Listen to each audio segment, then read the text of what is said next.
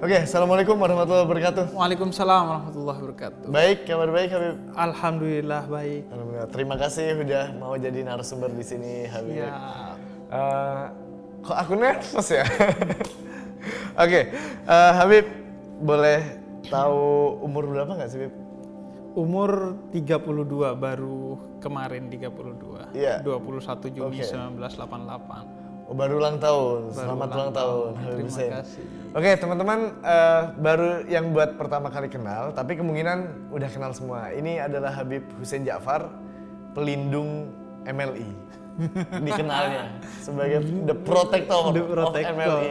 The- Oke, kita kemarin udah sempat ngobrol sama pendeta Yeri. Hmm.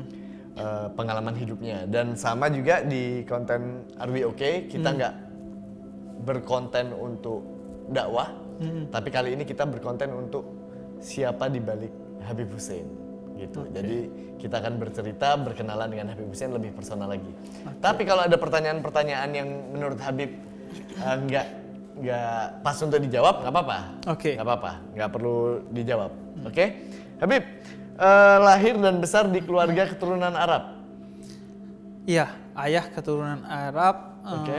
ibu keturunan Arab, kakek nenek dari dua jalur keturunan Arab. Jadi pure blood ya, murni, nggak ada campuran. Ya, murni. Bahkan eh, kakek dari ayah eh, asli dari sana, hijrah dari sana. Kakek dari, Yaman. ayah itu Eh, apa ayah dari ayah saya. Jadi kakek saya dari jalur ayah itu murni dia datang dari Yaman masih Oh. sebagai pedagang dan pendakwah wow ke Indonesia. ke Indonesia. Baik baik. Berarti eh, banyak ya yang masih asli dari sana terus pindah ke Indonesia tuh masih Iya, banyak masih sampai banyak. sekarang. Masih banyak. Disebutnya walaiti kalau kita menyebut. Walaiti. Walaiti itu orang eh, Arab di sini yang dia masih dari sana bukan lahir di sini. Oh, yang murni lahir dari sini kalau dalam garis keturunan saya itu ayah. Baik. Oke. Berarti secara keilmuan juga masih dekat banget ya sama sumbernya gitu. Ya, masih dekat banget. Eh, salah satu tradisi yang kental dari kakek saya adalah eh, memiliki banyak buku, Memiliki banyak buku. mengoleksi buku. Eh, itu dilanjutkan oleh ayah.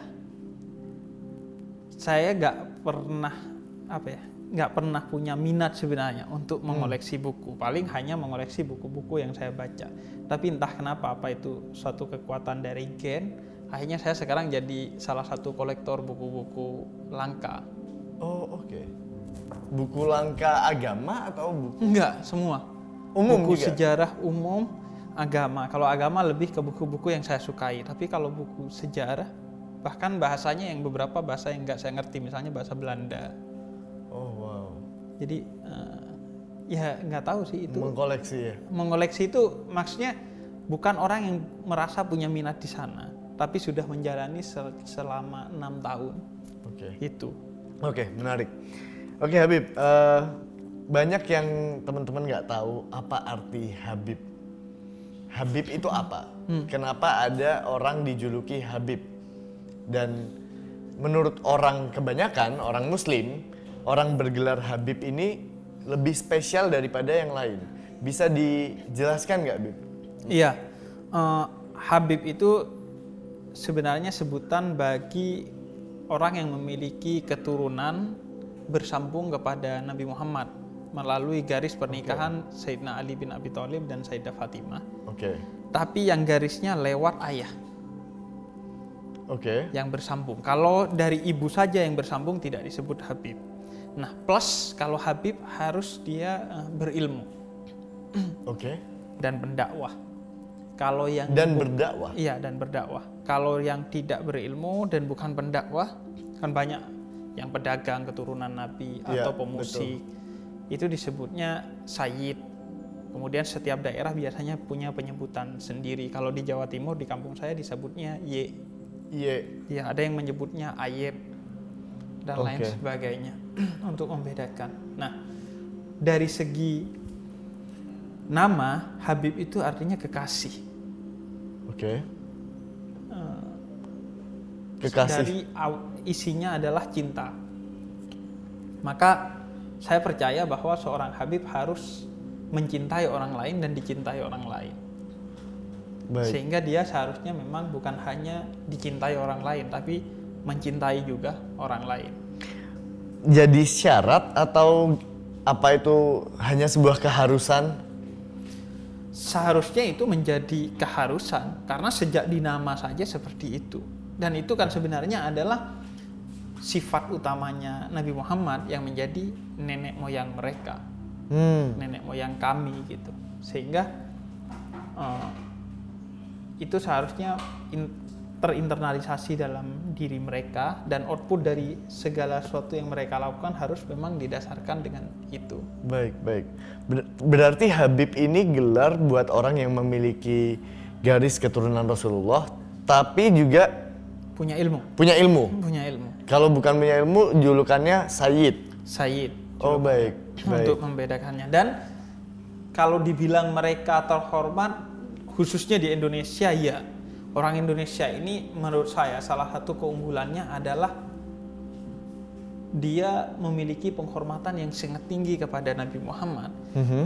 karena tingginya penghormatan mereka kepada Nabi Muhammad sehingga jangankan Nabi Muhammadnya tapi makamnya dihormati Oke. sehingga orang ke haji nggak perlu ke makamnya Nabi Muhammad tidak ada rukun haji ke makam Nabi Muhammad tapi orang tetap ke makam Nabi Muhammad Oh, I see. kemudian semua hal yang terkait dengan Nabi Muhammad mereka hormati bajunya Nabi Muhammad mereka hormati apa pun yang disimpan di Turki yang berkaitan dengan Nabi Muhammad mereka ciumi Oke. dan tentu juga keturunan jadi penghormatan kepada Habib dan Sayyid itu sebenarnya adalah im- implementasi dari penghormatan Bentuk kepada Nabi dan penghormatan itu. Muhammad, Oh, kepada oke. Nabi Muhammad. Oke, dan itu di Indonesia emang menonjol ya kecintaan terhadap Di Indonesia kecintaan kepada keturunan Nabi Muhammad itu tertinggi di seluruh dunia. Oh, Tidak ada wow. penghormatan sedahsyat ini. Beberapa wilayah mungkin iya, tapi sedahsyat di Indonesia saya kira tidak ada. Oh, wow. Oke. Oke, Habib eh, dari kecil tumbuh besar di keluarga keturunan Arab tuh beda nggak sih, Bib? Dengan yang bukan kebanyakan orang? Atau ada perbedaan yang mencolok nggak kalau lahir di latar belakang keturunan Arab? Yang berbeda tentu utamanya dalam soal agama. Oke.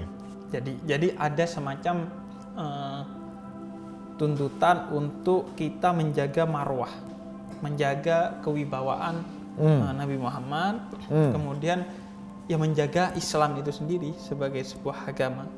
Karena itu mereka mau kerjanya berdagang, mau bernyanyi atau apa pun, Jadi stand up komedian nggak boleh ya?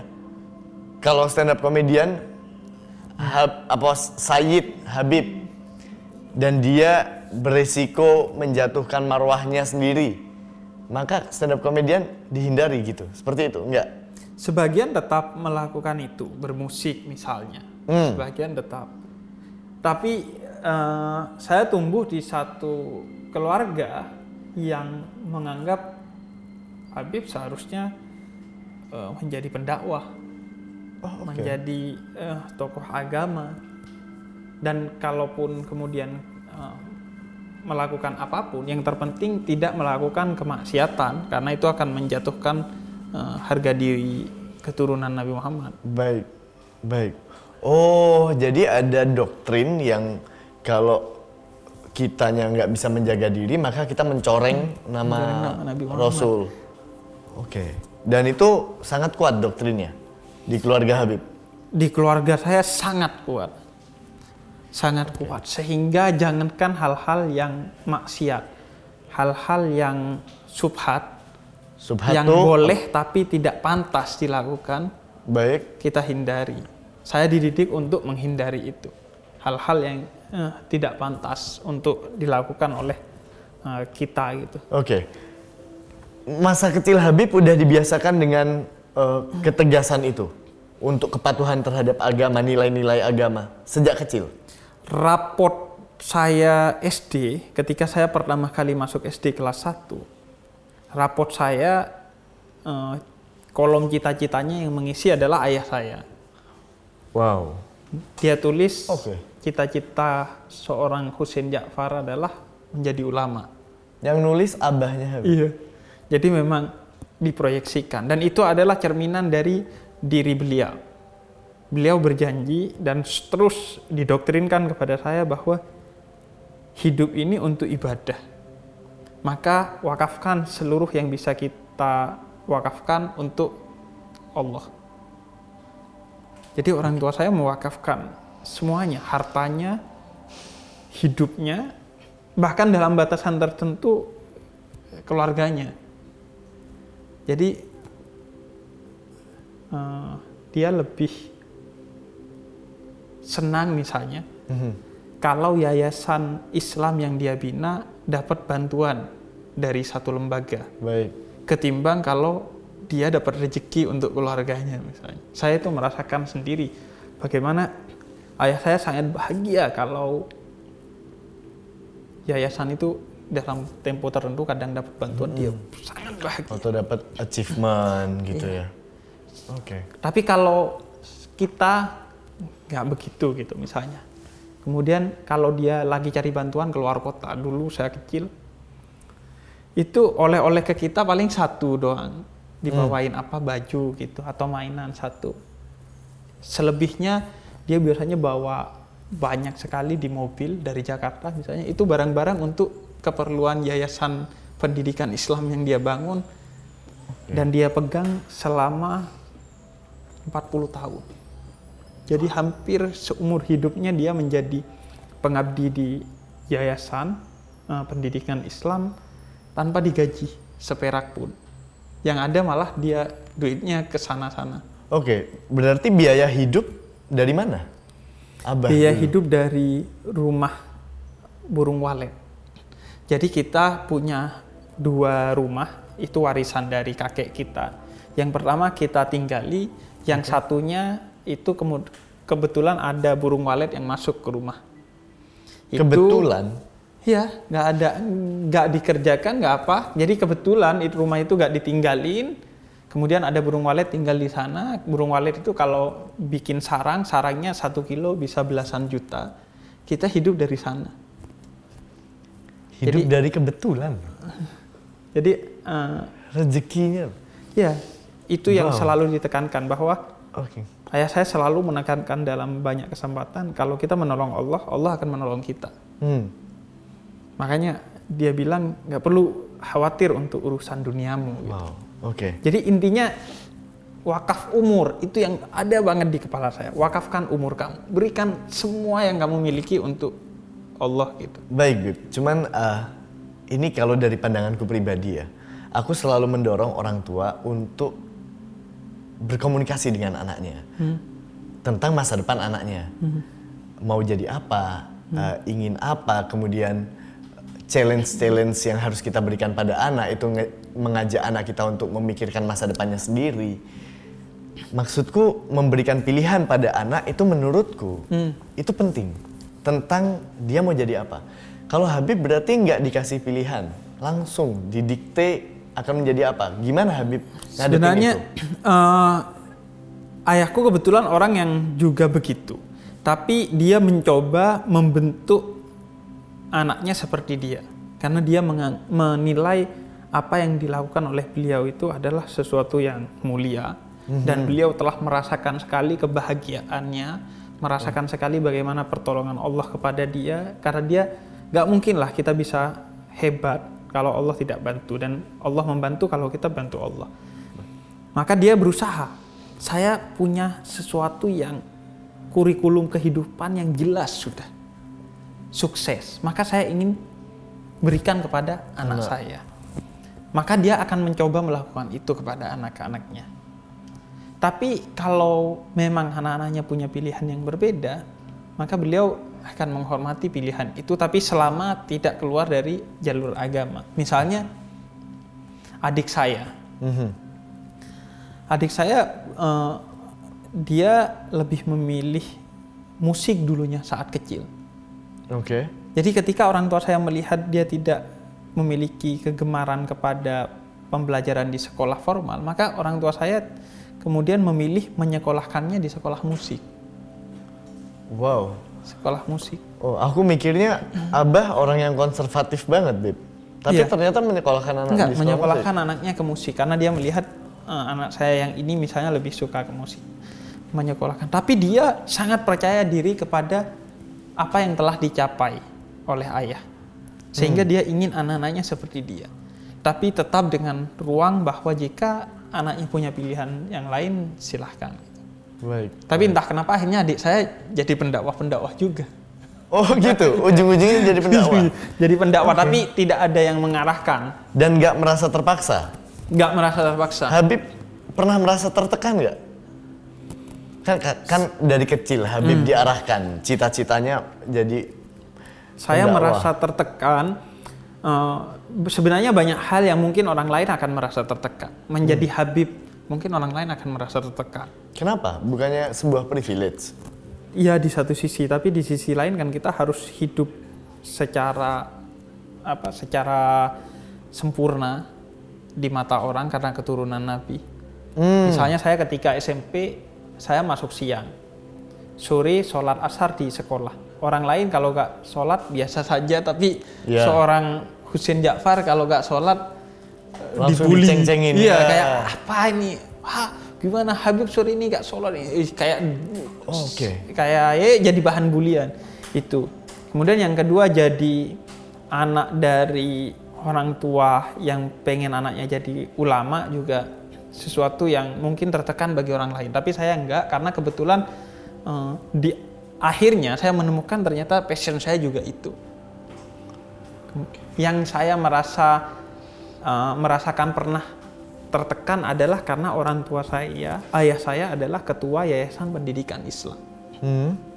Sehingga orang punya standar yang sangat tinggi kepada anak seorang ketua Yayasan Pendidikan Islam. Yes. Jadi dulu saat Ramadan, setelah sholat tarawih, teman-teman saya itu main ke mana-mana. Tapi ayah saya, eh, saya ayah saya sebenarnya gak ada masalah. Biasa anak kecil itu Iya, main, sangat iya. mengerti itu. Ayah saya Iya. itu orang yang sangat mengerti bahwa dunia anak adalah dunia bermain. Iya. Bahkan ayah saya, saya menjadi pemilik game Nintendo pertama di kota saya. Oke. Ayah Jadi saya banyak temen yang main ke Banyak rumah. teman. Ayah saya sangat mengerti dunia anak. Tapi kemudian ada yang protes. Anak ketua yayasan kok malam-malam Ramadan di luar rumah. Akhirnya ya saya meminta Umur berapa saya- Habib waktu itu? itu kelas 2 SD umur 8 wow, tahun. dikritik karena main di luar rumah habis maghrib. habis maghrib habis tarawih. Akhirnya ayah saya minta ngajak duduk saya untuk di dalam rumah.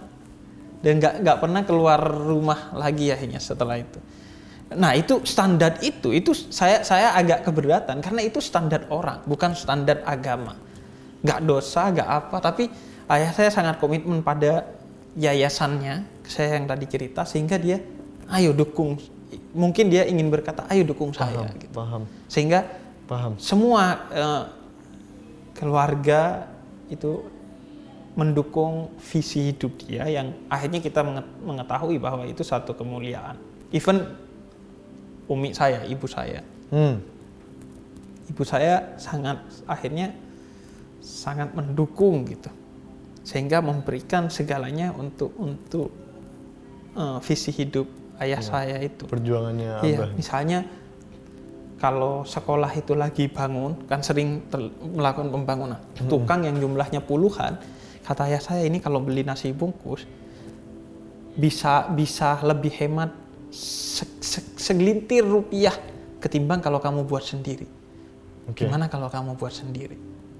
Akhirnya orang tua saya itu sering sekali masak untuk orang lain. Bahkan kadang kita gak dapat jatah malamnya gitu.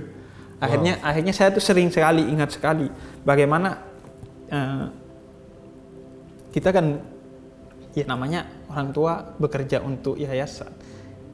Kita serba kekurangan dulu saat kecil. Hmm. Sehingga salah satu trik ibu saya adalah mendulang. Mendulang itu ng- ngasih Iya, makan iya, betul. anaknya. Karena nasi sering kali tinggal sepiring, sedangkan yang nggak makan masih dua tiga anaknya. Berapa bersaudara Habib? Lima bersaudara, tapi eh, sudah meninggal satu. Oke, berarti yang ada empat. Yang ada waktu empat. itu, waktu, Waktu itu, itu. empat. Waktu itu masih sempat Eh, lima. Lima. Jadi itu nasi dibagi-bagi. Jadi yang penting makan dulu lah. Baik, Nggak baik. Dan jadi itu yang yang berat standar itu. Dan eh, ayah saya kan punya standar moral yang sangat tinggi, Yes. yang masyarakat mungkin nggak setuju. Hmm. Contohnya, standar moral yang sangat tinggi itu apa? Contohnya eh, gambus. Gambus itu musik khas Arab di Ya. acara pernikahan. Eh, orang tua saya eh, nggak setuju gambus dilakukan oleh perempuan-perempuan keturunan Arab, walaupun dia tertutup. Baik. Nah akhirnya orang, orang ayah saya mengadvokasi untuk membubarkan itu. Baik. Jadi eh, tidak tidak tidak boleh berdasarkan kesepakatan. Itu saat itu banyak sekali surat kaleng yang datang ke rumah saya, yang ngata-ngatain, membuli lah secara umum. Jangan sok suci lo, jangan sok alim lo gitu. Jadi itu saya membayangkan bagaimana ibu saya, kemudian saya sendiri ya mendapatkan itu semua setiap setiap hari. Ya itu yang yang membuat awalnya dulu kar- karena kita nggak tahu ya visi hidup orang ayah saya jadi masih ada space untuk memahami itu tuh butuh waktu Baik. Baik Habib, makasih udah mau sharing tentang itu. Dan Habib Husin ikhlas menerima semua itu, even eh, mengorbankan masa kanak-kanak bisa dikatakan mengorbankan masa bermain kanak-kanak. Habib Husin ikhlas pada akhirnya. butuh waktu pada akhirnya iya tapi butuh waktu ada masa-masa di mana saya melihat kesal itu melihat semua itu Eh, bukan cuma saya beberapa saudara bahkan ibu saya dulunya juga masih butuh waktu lah untuk memahami semua itu. Tapi akhirnya ya kita sepakat kita setuju dan salah satu lelaki yang saya paling ngefans adalah ayah saya hari ini. Karena eh, ibu saya juga selalu bilang bahwa lelaki yang paling dia fans adalah suaminya karena karena kita semua satu keluarga sepakat untuk ngefans sama sama ayah saya. Dan begitu terpukaunya saya melihat sosok ayah saya sehingga saya kadang ingin suatu hari jika ayah saya eh, wafat gitu saya justru ingin menabuh genderang di pemakamannya. Bukan justru menangisinya. Mungkin menangisinya hanya karena beliau mungkin suatu hari akan sudah tidak bersama saya secara fisik tapi saya bangga sama ayah saya makanya saya selalu sebisa mungkin di hari pemakamannya akan menabuh hadra bergembira karena bagi saya dia sukses Damn, damn. Oke. Hmm, jadi alasan kenapa kita bikin Okay ini kan salah satunya supaya kita tidak mudah untuk menghakimi orang lain Habib. Dan sejauh ini semua narasumber yang pernah bersama kami kan biasanya menceritakan perjalanan hidup perjalanan hidupnya, lika-liku hidupnya yang extraordinary. Justru salah satu poin penting kenapa kita harus mendatangkan Habib, kita ingin melihat sudut pandang dari ekstrim satunya, ekstrim di keluarga konservatif. Sehingga eh, stigma itu kan bukan cuman menempel di orang yang eh, dicap buruk. Stigma itu juga menempel loh di orang yang dicap terlalu baik, dianggap kaku lah, nggak asik lah, eh, terlalu apa ya, bahkan dianggap terlalu mudah menghakimi orang lain. Kadang gitu. Iya. Wah orang kalau agamis itu suka menjudge orang. Oke, jadi dari sini kita pengen ngajak kita semua menyelam ke kacamata Habib Husin. Ternyata proses itu semua dilalui juga dengan perjuangannya sendiri. Bukan berarti yang lurus-lurus aja itu aman, lempeng, iya enggak menyenangkan. Yes. Enggak, orang-orang banyak banyak eh, di kampung saya banyak yang keberatan dengan dengan dengan Standar jalan yang yang, tinggi kami itu ya. Iya, sa- sampai detik ini. Dah bahkan eh, eh, kalau di YouTube banyak orang yang suka gitu. Ya. Tapi di kampung enggak. Mungkin mayoritas tidak menarik. tidak suka kepada kepada kepada kepada semua itu gitu. Oke Habib, saya boleh ke bagian lain ya. Oke. Berarti pacaran kan jelas nggak boleh. Buat Habib. Habib sendiri, jelas nggak boleh pacaran sama Abah? pacaran, ngerokok, intinya it, kalau jangankan yang haram gitu, yang dianggap gak gak layak, apalagi pacaran gitu, Oke, itu enggak. nggak Berarti menikahnya, Habib kan habis menikah, itu proses perjodohan atau gimana Habib?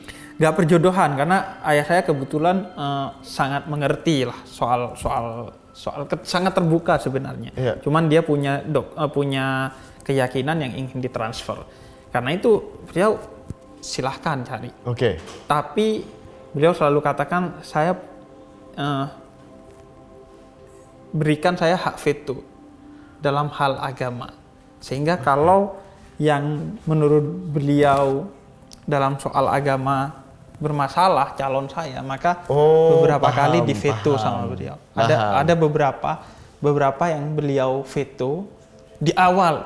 Jadi saya begitu nyebut namanya kalau beliau kenal langsung no, no.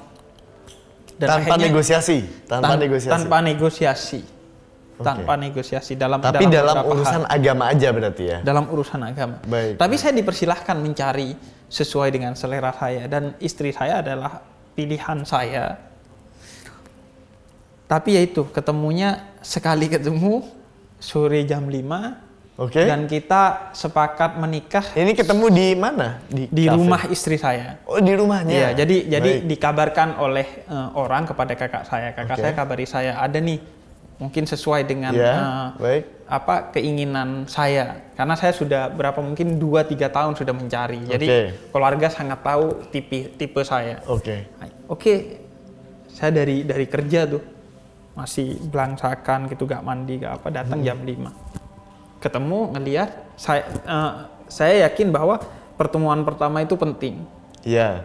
saya melihat oke Jam, apa yang jam dilihat dalam sekali bisa memutuskan oke itu, Bib?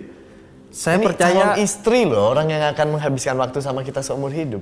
Kok Iya. bisa sekali pertemuan oke? iya karena karena bagi saya soal itu tidak bisa pakai pendekatan mata ataupun akal tapi hati jadi saya begitu saya ngerasa Yakin? iya dia dia dia separuh dari diri saya yang hilang kira-kira begitu karena karena saya menganggap yaitu separuh yang hilang sehingga seharusnya kita sangat familiar dengan jodoh kita jadi begitu ketemu kita akan merasakan itu saya katakan oke jam 5 sore dan jam 6 kita tunangan setelah maghrib iya maksudnya tunangan dalam arti oke sudah sepakat dua keluarga tinggal eh, mencari waktunya. Waktunya kalau nggak salah berapa ya? Berapa hari setelah itu gitu. Setelah maghrib sepakat kita.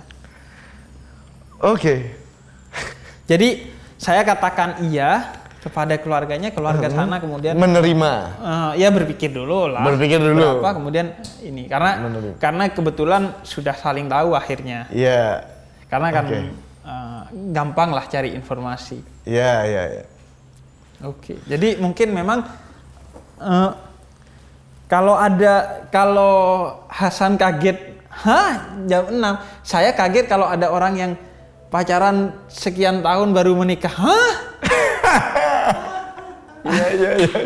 Anda Iya, Sorry, iya, iya. bagi saya Iya, ya Anda kalau Anda menganggap kaget pada saya, saya juga kaget pada Anda itu. Anda Iya, iya, iya. buang-buang waktu atau apa? Iya, iya, iya, iya. Artinya se- saya nggak mau judge itu. Bagi saya artinya Iya, setiap iya. orang punya eh, preferensinya masing-masing. preferensinya Iya, baik, masing-masing. baik. Oke, Habib. eh, sekarang aku ingin tahu pandangan Habib sebagai pendakwah terhadap fenomena-fenomena kehidupan manusia. Hmm. Yang saya yakin manusia nggak akan pernah luput dari dosa. Tapi sebagai pendakwah, aku ngerasa pasti Habib dituntut untuk sempurna.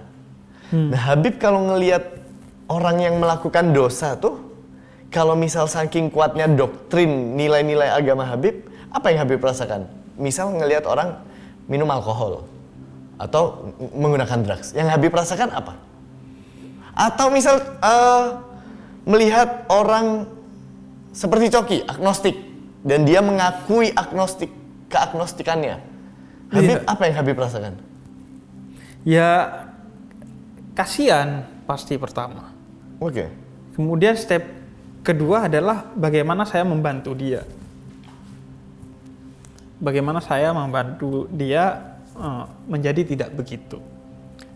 Itu itu aja sih yang yang yang selalu selalu terpikir gitu. Saya Ya. jadi sangat ingin misalnya uh, Coki ya berada sep- seperti mungkin itu doktrin dari ayah saya tadi. ya. Saya sangat ingin Coki seperti saya misalnya. Da- maksudnya menjadi menjadi dalam frame eh, kebaikan yang saya yakini. Baik. Adapun nanti kalau dia menemukan kebaikan yang dia yakini terserah gitu. Baik. Tapi saya saya ingin orang jujur kepada kebaikannya bahwa oh iya saya menjalani ini karena menurut saya ini kebaikan. Karena banyak orang di luar sana yang menjalani itu dia sa- sadar kok kalau itu kemaksiatan, keburukan tapi dia tetap jalani. Nah, saya ingin mengajak orang ayo kita jujur pada pada kebaikan gitu. Apa pun kebaikan yang yang dia jalan jalani. Yang jelas tapal batas yang nggak bisa dinego adalah jangan mengganggu orang lain bagi saya. Oke, jangan merugikan orang lain. Jangan merugikan orang lain itu itu sudah eh, pasti. Di luar itu setiap orang berhak atas kebaikan yang dia pikirkan sendiri karena saya tahu sendiri kebaikan yang saya lakukan mungkin bagi orang lain juga nggak sempurna atau mungkin bagi Baik. orang lain bukan kebaikan bahkan ini Baik. keburukan Oke, oke. Kalau Habib sendiri, eh, kalau melakukan kesalahan atau melakukan dosa, apa yang Habib rasakan? Kalau misal saya deh, saya lupa sholat, ya nggak apa-apa gitu. Karena nilai-nilai agama itu nggak menancap Nah. kuat seperti Habib. Kalau Habib gimana, Mis? terpukul sih terpukul Oke. saya jujur tidak pernah eh, melakukan dosa kecuali setelahnya saya langsung tobat dalam artian tobat saya selalu eh, beristighfar memohon ampun kepada Allah Eh, kadang saya sujud kemudian beristighfar di mana saja Ya tapi mungkin terjebak lagi, terjebak lagi. Tapi saya saya yakin bahwa eh, terjebak lagi dan terjebak lagi itu mungkin eh, bagian dari kemanusiaan kita sebagai manusia. Tapi memohon ampun adalah juga tuntutan dari Allah kepada kita gitu. Minimal gak bikin Allah kesel lah Hmm, dengan menganggap karena menurut saya dosa terbesar adalah menganggap enteng dosa yang kita lakukan. oke. Jadi saya selalu eh, ya tobat dan dan dan selalu ya sel- terpukul sih. Karena apalagi bebannya bayangkan eh, saya meminta orang baik dan kemudian saya sendiri buruk. Iya. Karena itu bagi saya kalau nunggu baik baru berdakwah itu enggak. Yang seharusnya dilakukan adalah ketika kamu memiliki komitmen untuk menjadi baik, maka berdakwahlah. Walaupun kamu sendiri tidak sempurna, tapi minimal kamu harus punya komitmen atas kebaikan. Tapi kalau sudah gak punya komitmen, maka dia masih belum layak untuk berdakwah. Oke. Wow, merinding. Wow, oke, Habib, yang pertanyaan terakhir, pertanyaan personal dari aku. Hmm, umat Islam kan sangat mencintai Rasulullah. Kalau Habib secara personal, saya ingin tahu ap- apa arti Nabi Muhammad untuk Habib secara personal. Jadi saya Nabi sangat sangat mencintai umatnya. Itu yang yang selalu terbayang di kepala saya. Beliau dibenci membalas dengan cinta. Diludahi membalas dengan senyum. Dilempar batu membalas dengan doa. Sehingga sosok Nabi itu begitu begitu begitu mempengaruhi diri saya sehingga kalau Nabi saja begitu maka apa hak lain yang kamu miliki untuk marah, untuk benci, untuk tidak penuh cinta kepada orang lain. Hmm. Karena itu saya selalu ingin untuk ya mencontoh Nabi itu sebisa mungkin sekecil apa pun yang yang bisa kita lakukan dan yang lebih eh, tinggi dari perasaan berdosa ketika saya melakukan maksiat gitu adalah perasaan malu kepada Nabi. perasaan malu kepada Nabi. Kita diberikan uh, jatah untuk menjadi keturunan Nabi, kita diberikan jatah untuk menjadi Muslim, pengikut Nabi. Kemudian kita gak merepresentasikan Nabi itu malu sekali kepada Nabi. Karenanya kalau di dalam komunitas sesama keturunan Arab, saya selalu bilang jangan sampai kamu dihadang oleh Nabi Muhammad nanti di akhirat karena tidak merepresentasikan uh, akhlak Nabi. Jadi bagi saya pengenalan kepada Nabi Muhammad adalah pintu untuk orang mengenali uh, kebaikan, mengenali Islam, mengenali segala sesuatu. Bahkan pintu utama untuk belajar Islam ya belajar hidup Nabi. Karena itu saya selalu mengisi ceramah-ceramah saya dengan kisah-kisah Nabi Muhammad. Hmm. Karena mungkin orang tidak akan uh, percaya kepada Islam secara rasional dengan belajar Islam. Tapi kalau membaca kisah Nabi Muhammad akan bergetar tubuh dia, akan akan akan menangis matanya dan berapa banyak orang masuk Islam karena itu, karena karena terpukau kepada kepada Nabi Muhammad. Karena itu uh, kalau saya tidak merepresentasikan Nabi Muhammad, padahal saya adalah anak keturunannya, padahal saya Muslim, bagi saya itu sangat memalukan, sangat memukul, dan karenanya ya berusaha mengikuti Nabi Muhammad sebisa mungkin. Baik Habib, terima kasih. So Habib Hussein Ja'far, hmm. Hmm, di akhir saya tanyakan pertanyaan ini dengan setelah perjuangan yang Habib alami sejauh ini dan masa perjuangan yang akan datang hmm. pastinya ke depan Are you okay? Okay. Okay. Thank you very much. Assalamualaikum. Waalaikumsalam.